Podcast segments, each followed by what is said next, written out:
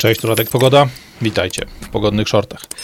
Powiedzieć, że mam stresa nagrywając ten film, jak to mówi młodzież, to nic nie powiedzieć. Temat bowiem, który poruszamy jest cholernie istotny. Istotny nie tylko dla życia nas, ludzi, którzy mają lat 40, 30 parę, 50 parę, ale myślę, że równie albo bardziej istotny dla osób, które po nas przyjdą. Dla moich dzieci, dla waszych dzieci, dla ich dzieciaków, dla tego wszystkiego, dla tego całego świata europejskiego, który jest jeszcze przed nami, który jeszcze się nie urodził albo który dopiero stawia pierwsze swoje kroki. Temat ten bowiem to migracja. Migracja, którą ja nazywam po imieniu migracją niekontrolowaną, ale migracją chyba w dużym stopniu sterowaną. Ona jest dziś ta niekontrolowana przez rządy, przez służby migracja problemem praktycznie całego tak zwanego Zachodu. E, tu znowu, tak jak już w wielu wcześniejszych filmach, posługując się hasłem Zachód, mam na myśli nie tylko to, co my traktujemy jako Zachód, czyli wszystko od Odry w tamtą stronę, wszystko od Odry w stronę e, Atlantyku, czyli całe, wszystkie kraje Unii Europejskiej, ten Zachód stary, Niemcy, Szwajcarię, Austrię, Francję, Hiszpanię i tak dalej, ale do Zachodu zaliczam oczywiście również Stany Zjednoczone i Kanadę do zachodu zaliczamy też wszystko to, co znajduje się po wschodniej stronie globusa, czyli takie kraje jak Australia, Nowa Zelandia, Hongkong, kiedyś, dziś już bardzo chiński. Natomiast wszystkie te miejsca, w których człowiek z jakby tą swoim pochodzeniem europejskim postawił kawałek europejskiej cywilizacji i na tych wzorcach, na wzorcach cywilizacji europejskiej budował swoje otoczenie, budował swój kraj, budował swoją cywilizację. Cały ten zachód, jeżeli właśnie patrzymy na niego tak w szerszej formie, jest dziś poddawany no, bezdyskusyjnej bezprecedensowej presji migracyjnej. E, zaczynając od własnego podwórka, od Polski, mamy do czynienia z migracją z dwóch kierunków. Przede wszystkim jest to migracja e, ta, o której słychać w tej chwili w kampanii wyborczej najgłośniej, czyli migracja przez granicę z Białorusią. Tu oczywiście, e, jeśli wejdziemy głębiej w temat, wypadałoby poruszyć kwestie zorganizowanych grup przestępczych, które ściągają ludzi z krajów Azji, tej bliższej, czyli wszelkiego rodzaju krajów takich jak Syria, takich jak Afganistan, e, ludzi, którzy tamtym kanałem właśnie do Europy Zachodniej, po tamtejsze zasiłki i inne rzeczy próbują się dostać właśnie przez Białoruś, przez naszą granicę polsko-białoruską. E, oczywiście do Polski też masa ludzi wjechała przez Ukrainę, korzystając z tego, że na początku konfliktu ogromne dziesiątki czy setki tysięcy ludzi na dobę przechodziły przez tą granicę bez kontroli lub z kontrolą zupełnie, zupełnie minimalną. Dzisiaj tym kanałem do Polski dostaje się masa ludzi z Gruzji, masa ludzi z tak zwanych dawnych republik radzieckich. To są wszystko tematy, o których trochę słyszymy, ale obawiam się, że będziemy słyszeć tu na naszym własnym polskim podwórku znacznie więcej w najbliższej już przyszłości. E, Oczywiście temat migracji to również Niemcy, nasz sąsiad najbliższy z tych krajów prawdziwie bogatych. E, Niemcy miały problem migracyjny od zawsze, po części mm, zaproszonej migracji. To są lata 50. To jest moment, kiedy w trakcie tak zwanego cudu gospodarczego, niemieckiego cudu gospodarczego, e, Niemcy wymyślili sobie metodę na to, że w miejsce osób, w miejsce mężczyzn zabitych w czasie wojny, II wojny światowej, ściągną z krajów innych niż Niemcy masę mężczyzn do, do pracy w niemieckim przemyśle. To był plan bardzo mądrze pomyślany. Myślano tutaj, czy celowano tutaj w, w dużym stopniu na przykład w polskich górników, polskich pracowników hut e, czy zakładów przemysłu ciężkiego, E, natomiast przy okazji te przepisy wykorzystały ogromne e, ilości ludzi z Turcji, ogromne ilości ludzi z dawnej Jugosławii, z tych krajów, które miały troszeczkę poluzowany kaganiec, jeśli chodzi o gospodarkę w ramach bloku sowieckiego. E, Niemcy więc od lat 50. temat migracji przeżywają i odczuwają stale. Gospodarka niemiecka na tym zyskuje, społeczeństwo niemieckie też przez wiele lat, przez wiele dekad na tym mocno zyskiwało, bo Niemcy mieli bardzo sztywny kręgosłup, mieli bardzo twarde zasady, jeśli chodzi o kwestie migracji migracyjne. Przyjeżdżając do Niemiec, musiałeś nauczyć się języka, jeśli chciałeś normalnie funkcjonować w tym społeczeństwie. Musiałeś dostosować się do niemieckiego stylu życia, jeśli chciałeś być traktowany jako zwykły, normalny, sensowny człowiek. Musiałeś zastosować się do tego, co obowiązuje ciebie jako gościa w kraju gospodarza. E, ja akurat sam w Niemczech Spędziłem kilka lat prowadząc tam biznes, mieszkając tam całymi tygodniami, jeśli była taka potrzeba.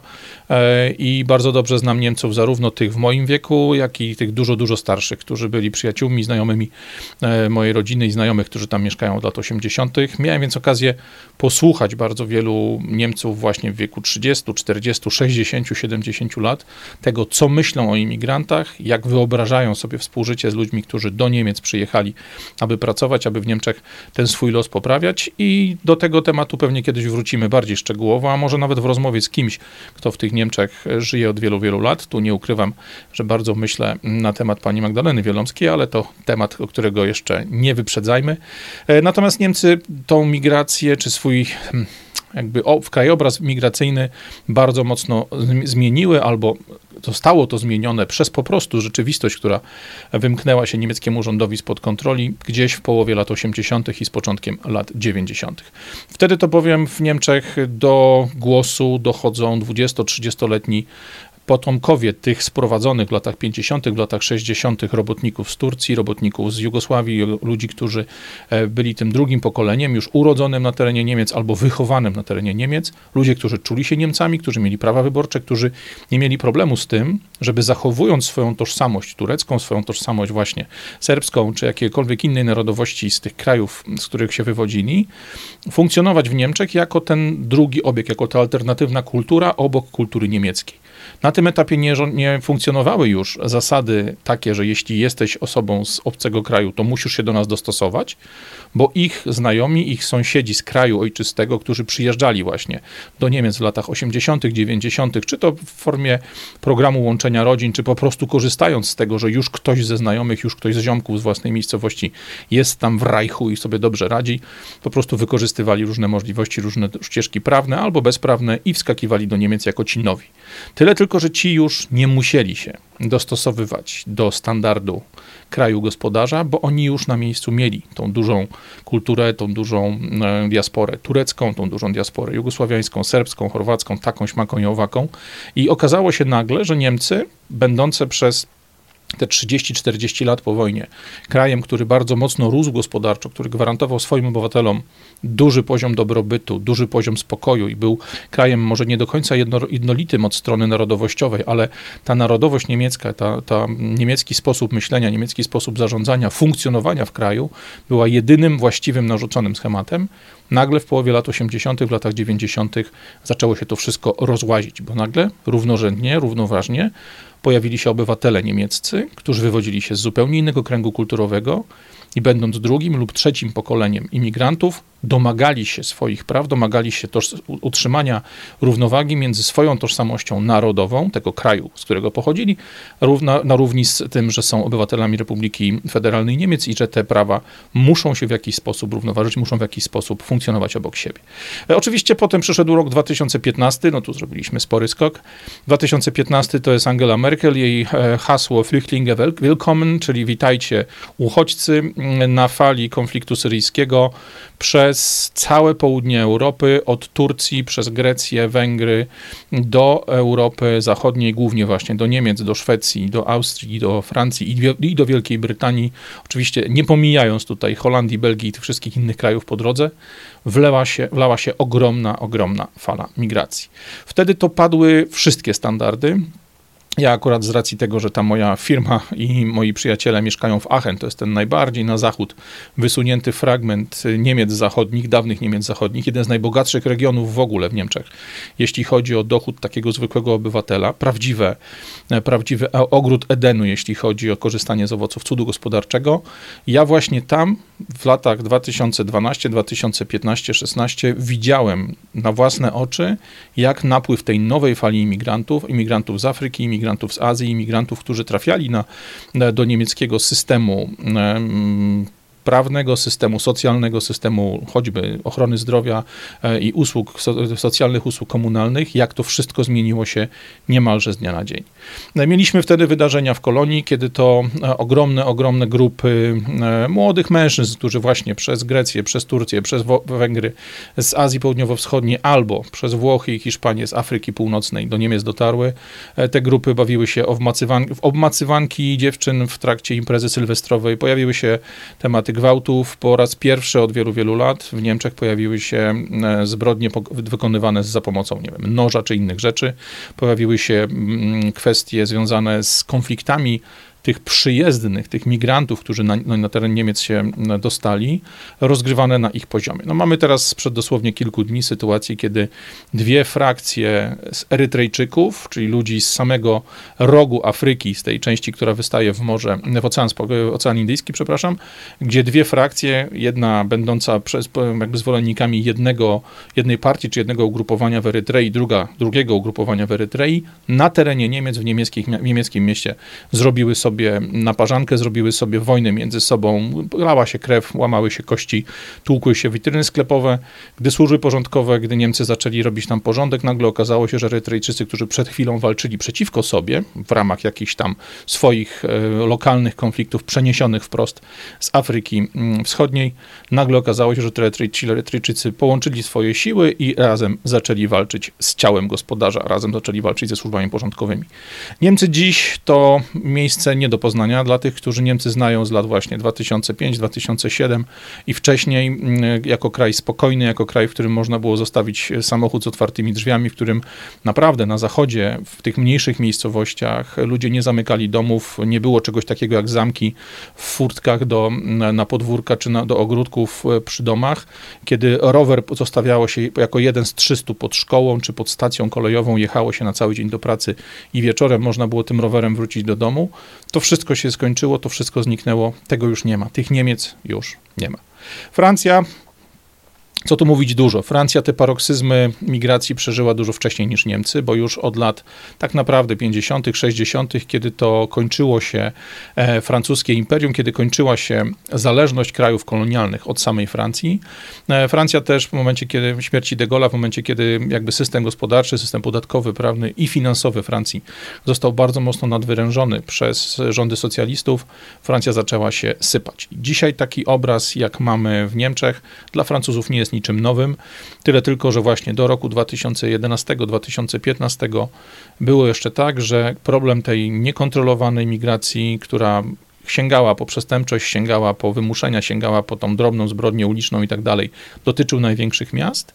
Ja sam przez lata współpracowałem z Alstomem przy projekcie polskiego Pendolino, więc we Francji, szczególnie w Paryżu, byłem bardzo, bardzo często, więc wiedziałem, że co jak co, ale w Paryżu, szczególnie wieczorem, szczególnie na stacjach metrach, na, przy stacjach RER, w miejscach, gdzie mm, chodzimy do jakichś tam knajp na kolację i tak dalej, jak tylko wychodzę poza te tak zwane dobre dzielnice albo muszę się przemieszczać gdzieś, żeby dotrzeć do swojego hotelu czy jakiegoś miejsca, z którego, w którym mam coś następnego zrobić, wiedziałem doskonale, że w tych wielkich miastach, takich jak w Paryżu, w Lyonie, w kilku innych, w których byłem wtedy w związku z tym projektem, są miejsca, w których wchodzić nie, w które wchodzić nie należy, są pory, kiedy trzeba się pilnować, lepiej schować słuchawki od iPhone'a, lepiej nie wyciągać telefonu, lepiej zdjąć z ręki zegarek, czy jeśli jestem w marynarce i w krawacie, to po prostu zrobić coś, żeby wyglądać gorzej, nie wiem, podnieść kołnierz e, marynarki, zdjąć krawat, zrobić coś z sobą, żeby wyglądać bardziej jak żul, a nie jak biznesmen, jako ofiara do potencjalnego wymuszenia, czy po prostu napadu. E, Francja oczywiście e, ten problem ma w tej chwili nasilony jeszcze bardziej. Dziś tak naprawdę ruch w ramach byłego imperium, czyli takich krajów jak Algieria, jak wiele innych krajów w północnej Afryce, odbywa się w sposób całkowicie mm, jakby dwutorowy na powierzchni, na poziomie tej legalno, legalnych transportów, legalnych przewozów. Przemieszczają się obywatele, którzy mieszkając tam w Afryce Północnej mają francuskie paszporty, no bo to są właśnie pozostałości po starym imperium, ale oprócz tego jest ogromny ruch przez Morze Śródziemne jest ogromny ruch na różnego rodzaju statkach, łodziach. E, kupa ludzi wykorzystuje e, schowki w najróżniejszego rodzaju e, miejscach ciasnych, na promach, na statkach, barykaduje się czy włamuje się do ciężarówek, które przewożą różne towary do Francji. A oprócz tego oczywiście funkcjonuje normalny przemysł przemytu ludzi, kiedy pełne łodzie albo całe kontenery z ludźmi właśnie z Afryki Północnej, tymi, którzy nie mogą legalnie na francuskim paszporcie dostać się do, do Francji, ci ludzie są przewożeni przez zorganizowane grupy przestępcze. Problem Francji jest oczywiście ogromny. Co się dzieje we Francji na miejscu, na ulicach? No mieliśmy tego dowód przez ostatnie praktycznie nieprzerwanie 4 lata. E, oprócz problemów samego narodu francuskiego z rządem, e, podwyżek, e, niszczenia, regularnego niszczenia e, e, francuskiej klasy średniej i zwykłych robotników przez rząd Macrona, wcześniej przez rząd Sarkoziego, mieliśmy protesty żółtych kamizelek. Mamy regularnie, co kilka dosłownie tygodni czy kilka miesięcy, wielkie bitwy demonstrantów z policją, płoną samochody, są podpalane sklepy, jest niszczone mienie. Francuska policja wychodzi na takie akcje uzbrojona jak na średniowieczne bitwy. E, tam nie ma żartów. To jest kraj na krawędzi upadku, to jest kraj na krawędzi wojny domowej i to, co kiedyś było domeną właśnie tych wielkich ośrodków, wielkich miast, takich jak Paryż, jak Lyon, jak Nicea i tak dalej, czy Marsylia, gdzie są całe dzielnice, które stały się no-go zone, czyli miejscami, do których nie wchodzi francuska policja, nie wjeżdża francuska straż pożarna, bo będzie problem. Dziś ten problem przenosi się na, na e, prowincję, nawet mniejsze miasteczka, które kiedyś były taką prawdziwą francuską idyllą, gdzie można było poczuć tę Francję. Dziś nawet te mniejsze miejscowości, te mniejsze miasteczka są po prostu potwornie już za, zasypane ludźmi z importu, e, ludźmi, którzy przyjechali tam w sposób nielegalny, którzy nie mają żadnego pomysłu na siebie, którzy liczą tylko i wyłącznie na państwowe zasiłki albo na to, co uda się zorganizować w czasie wolnym. A czasu wolnego mają zwykle 24 godziny na dobę. E, co do Francji, oczywiście ten napływ przez morze e, dziś jest jeszcze bardziej zmożony, bo fala, która płynie z północnej Afryki, ludzi, którzy uciekają e, właśnie z krajów północnej Afryki, to w dużym stopniu fala ludzi, którzy są francuskojęzyczni, którzy mówią bardzo często tylko po francusku albo po francusku i arabsku. Natomiast Francja ze względów językowych, ze względu na to, że jest tam też ogromna diaspora ludzi z ich poszczególnych krajów, jest tym celem, który dla tych osób jest wyjątkowo dobry, choć Francja nie płaci tak dobrych stawek socjalnych, jak Niemcy, Szwecja czy parę innych regionów, o których jeszcze za chwilę będzie mowa. Następne na liście państw Zachodu, które są przytłoczone całkowicie i e, podbite, można powiedzieć, przez e, niekontrolowaną imigrację, mamy Wielką Brytanię. E, cały czas temat łodzi na kanale jest grany, cały czas na francuskim wybrzeżu tunelu pod kanałem La Manche. Do samochodów ciężarowych włamują się e, ludzie, którzy chcą się dostać do Wielkiej Brytanii. E, co jest ciekawe, hasło pod tytułem Łodzie na kanale było jednym z głównych haseł związanych z Brexitem. To właśnie na, na kwestii te, tej niekontrolowanej migracji, która kompletnie zmienia obraz z Wielkiej Brytanii, zmienia pozycję Brytyjczyków, białych Brytyjczyków urodzonych na Wyspach E, z wieloletniej, czy tam z wielopokoleniowych, z wielopokoleniowych brytyjskich korzeni. Sytuacja tych ludzi kompletnie zmieniana jest przez tą właśnie niekontrolowaną ogromną migrację. E, mimo tego, że był to jeden z głównych leitmotivów Brexitu, że to na nim między innymi ten popularność Brexitu została tak rozwinięta, że referendum jakby brexitowe zostało wygrane przez, przez ludzi, którzy właśnie po stronie Brexitu się opowiadali, to wszystkie rządy po referendum brexitowym robiły absolutnie wszystko, żeby tak naprawdę Anglii, czy Wielkiej Brytanii, mówiąc szerzej, nie odłączyć od Unii Europejskiej. Oczywiście wygasły umowy, oczywiście wiele rzeczy się zmieniło, natomiast nadal Wielka Brytania mocno harmonizuje swoje przepisy, swoje podejście do bardzo wielu spraw, aby były dokładnie takie same jak unijne. Więc mamy tutaj piękne potwierdzenie starej zasady, jak wiele rzeczy trzeba zmienić, aby nic nie uległo zmianie. Moim zdaniem cała ta akcja związana z rozmyciem efektów Brexitu jest absolutnie celowa. To jest wspólna gra ludzi z Brukseli z ludźmi z Westminsteru, czyli ludźmi z brytyjskiego parlamentu, tymi brytyjskimi wyższymi sferami. Nie zapominajmy, że londyńskie City to jest jeden z ośrodków, który spina mocno finanse światowe, jest jednym z kluczowych miejsc na świecie, gdzie zapadają decyzje dotyczące praktycznie całego świata.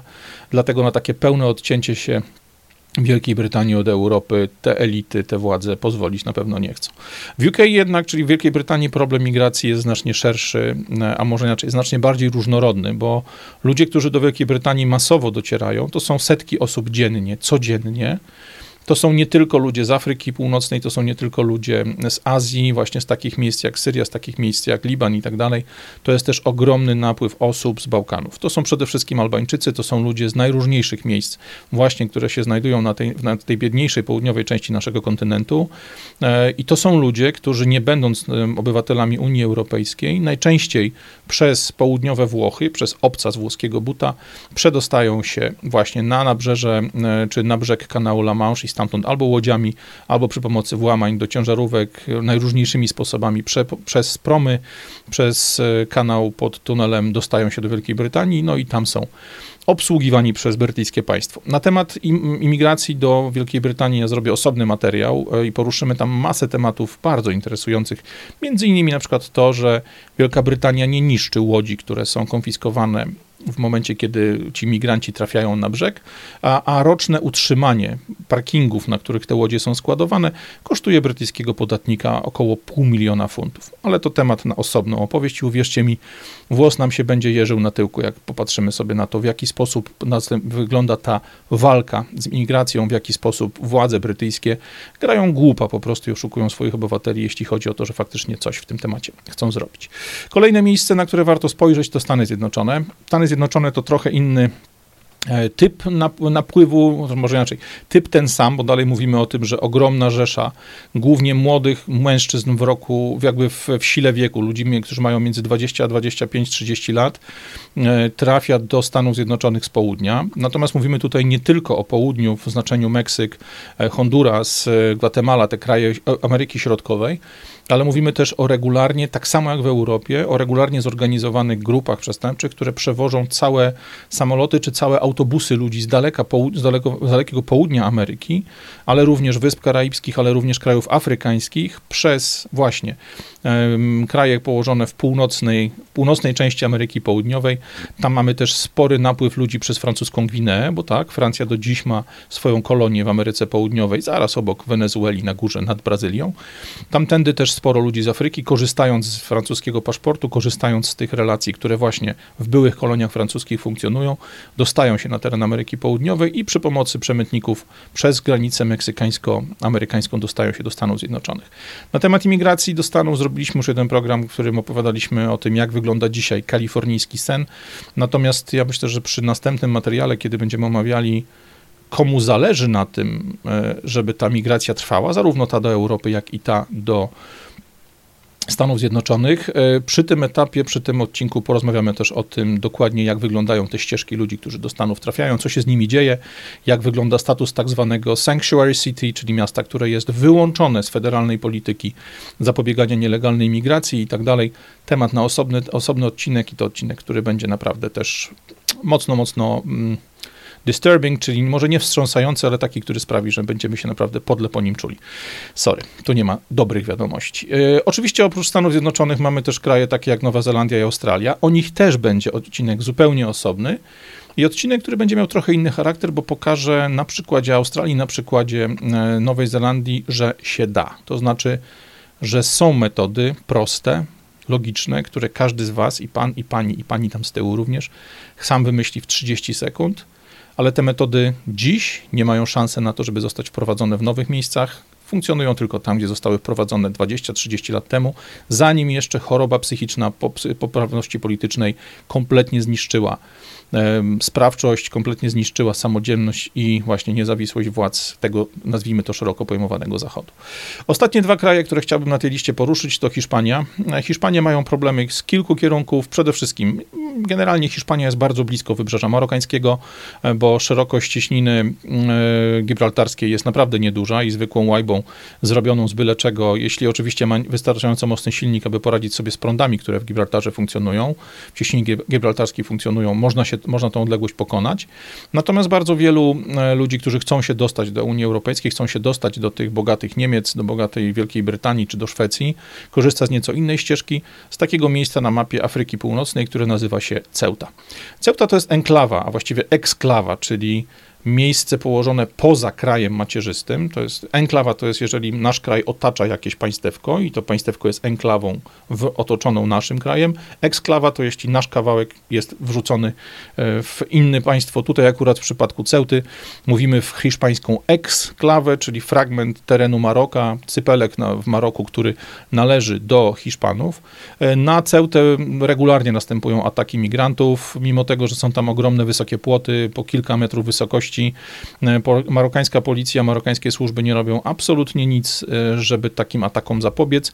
Służby hiszpańskie, które siedzą w środku w Ceucie, są zwykle takimi atakami całkowicie no, po prostu obezwładnione e, i ludziom z Maroka, władzą Maroka, władzą tych rejonów, które przylegają do Ceuty, Hiszpania, a za pomocą Hiszpanii również Europa i Komisja Europejska, w tym ja i ty, bo to idzie z naszych podatków, musimy płacić tym afrykańskim kacykom, żeby do takich ataków nie dochodziło.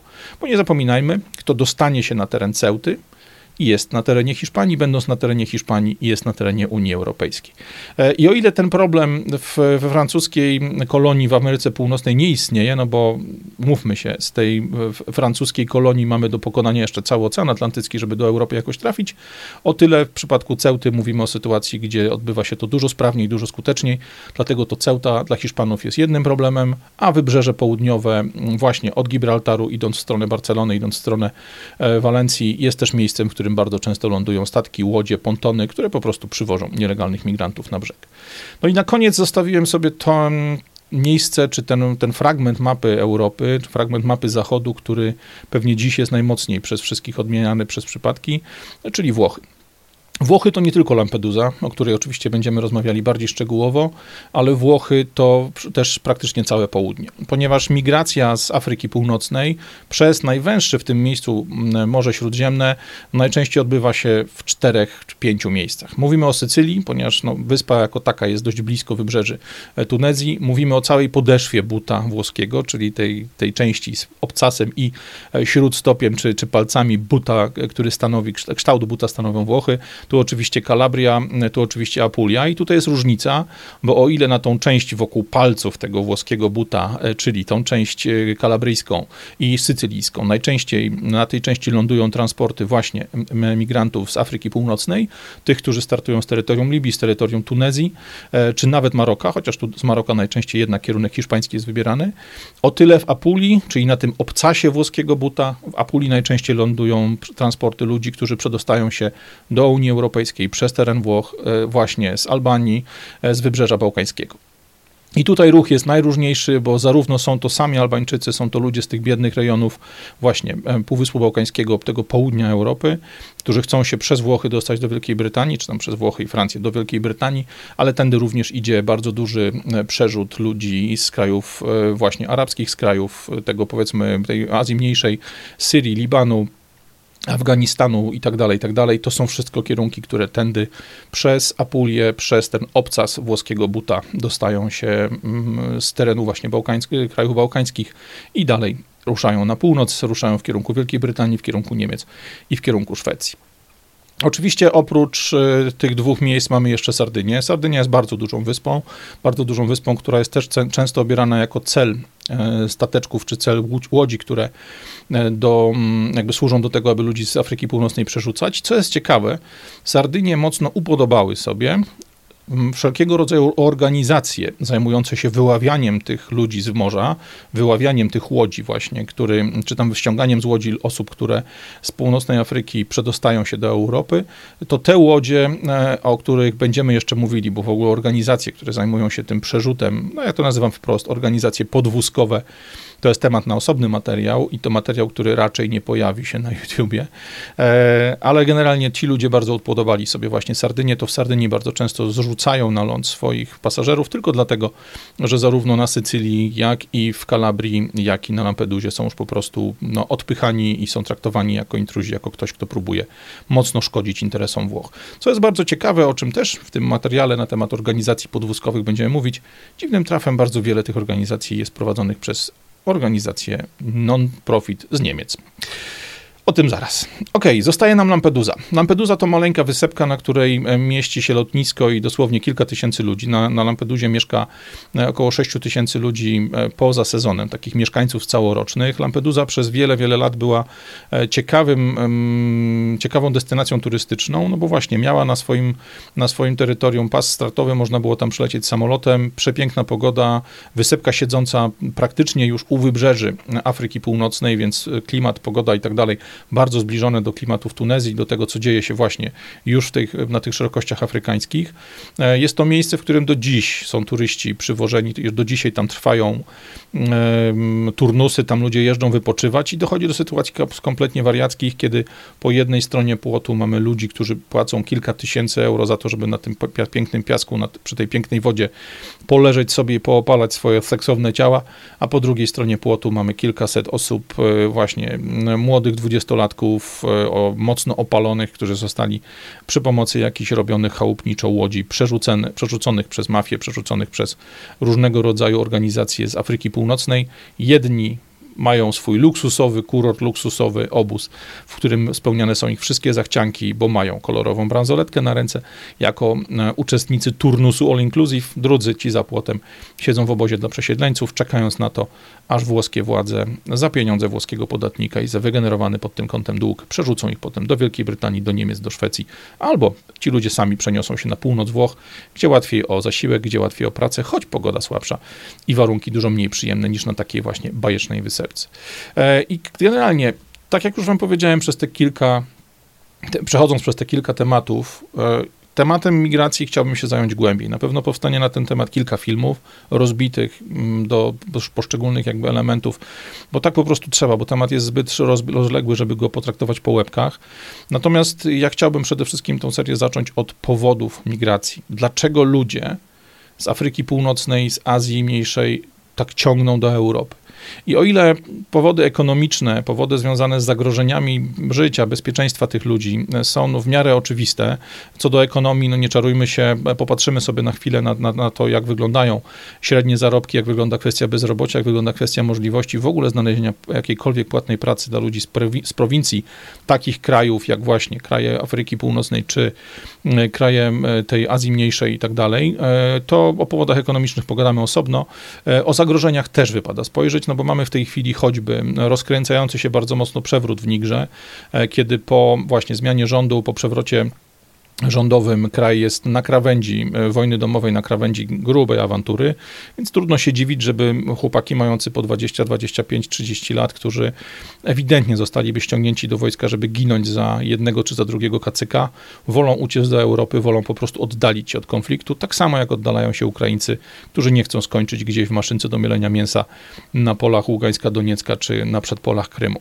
E, oprócz tego, że przewrót, oprócz tego, że wojna, oprócz tego, że walki plemienne, mamy też nie czarujmy się, bezprawie i pełne średniowiecze, które funkcjonuje w państwach, które stały się ofiarami arabskiej wiosny. Tu jedynym wyjątkiem tak naprawdę jest chyba Egipt, e, który utrzymał swój status, no przede wszystkim dlatego, że gdyby nieporządek w Egipcie mocno się rozkręcił, to e, no, i dzisiejsze władze straciłyby e, jakby kontrolę nad kanałem sueskim, co oznaczałoby, że po tę kontrolę pewnie chciałby sięgnąć Izrael. Na to władze Egiptu nie mogły się zgodzić, wykorzystały swoje możliwości, wykorzystały sojuszników, bardzo ciekawych, o których też musimy pogadać, do tego, żeby porządek w miarę utrzymać. Natomiast inne kraje właśnie potraktowane arabską wiosną, tym pomysłem, kraje krajów NATO, Francji, Wielkiej Brytanii, Amerykanów, e, inne kraje arabskiej wiosny nie ustały. Nie ma już porządku w Libii po śmierci Kaddafiego, nie ma już porządku w Tunezji. Miejsca, w które nawet my jako Polacy, ja sam ze swoją rodziną tam jeździłem, e, miejsca, które traktowaliśmy jako taką właśnie oazę spokoju w tej Afryce Północnej, trochę dziwną, bardzo obcą, ale jednak spokojną, przyjazną i nastawioną na turystów, tego dzisiaj już nie ma. Tam mamy dzisiaj handel niewolnikami, tam mamy dzisiaj pełne zdziczenie, pełne bezprawie, tam mamy kompletnie dla nas obce rządy prawa szarii. E, tam jest rasizm, bo nie czarujmy się, że ludzie, którzy przechodzą przez Libię, przechodzą przez Tunezję, aby dostać się do Ameryki, e, do Europy, przepraszam, to są ludzie z Afryki e, subsaharyjskiej, z Sahelu i tak dalej, i tak dalej, ludzie o zupełnie innym kolorze skóry, o zupełnie innych E, o zupełnie innym języku, zupełnie innej kulturze, traktowani przez tych Arabów tutaj właśnie z północnej Afryki, jak po prostu ludzie gorszego sortu, albo nawet nie ludzie. E, I mimo tego, że wszyscy łącznie są e, Mahometanami, są wyznawcami islamu, to generalnie rzecz biorąc tutaj nie ma litości, tutaj nie ma lipy. Oczywiście trzeba by spojrzeć też na to, jak wygląda kwestia rządów Tunezji i działań rządów Tunezji, działań rządów Maroka, tego, co się dzieje właśnie w Libii po upadku Kaddafiego i tak dalej. O tym pogadamy później, o samej arabskiej wiośnie trzeba w ogóle zrobić materiał. Natomiast dzisiaj chciałbym się skupić nad tematem, który jest praktycznie zupełnie pomijany w kwestii właśnie tych fal migracyjnych. Cały czas stawia nam się przed oczami temat związany właśnie z bezpieczeństwem tych ludzi, no i to jest ten najbardziej politycznie poprawny przekaz, że tam jest wojna, tam jest głód, tam jest niedola, stamtąd trzeba uciekać, dlatego musimy tym ludziom otworzyć swoje drzwi. Tam cały czas stawia nam się też przed oczami kwestie ekonomiczne. Nie dziwmy się, że ludzie, którzy pracują cały miesiąc za 35 dolarów, tak jak Polacy w latach 80. czy w latach 90., kiedy plan Jeffreya Sachsa, zwany u nas planem Balcerowicza, rozpieprzył polską gospodarkę, tak jak my uciekaliśmy do Niemiec, do, do Austrii, w inne miejsca, tak oni chcą uciekać do tych miejsc, gdzie się dużo lepiej żyje, gdzie się dużo lepiej zarabia. To wszystko jest prawda. Natomiast jest jeden powód, o którym chciałbym dzisiaj skupić się na końcu. Tym powodem jest hijra. Czym jest sama hijra? To pojęcie związane z tradycją islamską, z początkami tak naprawdę e, islamu i początkami historii związanych właśnie z funkcjonowaniem proroka Mahometa jako osoby, która tworzyła nie tylko religię, ale cały system państwowy, cały system e, ekonomiczny, wszystko to, co wiąże się z dzisiejszą pozycją islamu na świecie. O tym wszystkim porozmawiamy w drugim odcinku, aby ten materiał trzymać w jakiejś w miarę względnych i w miarę racjonalnej długości. Dziękuję Wam bardzo za uwagę, za ten szybki przegląd światowego problemu niekontrolowanej migracji i zapraszam na drugą część, w której wejdziemy już w głąb tego, co może być jednym z kluczowych elementów całej układanki. Radek Pogoda, pogodne shorty. Na razie, cześć.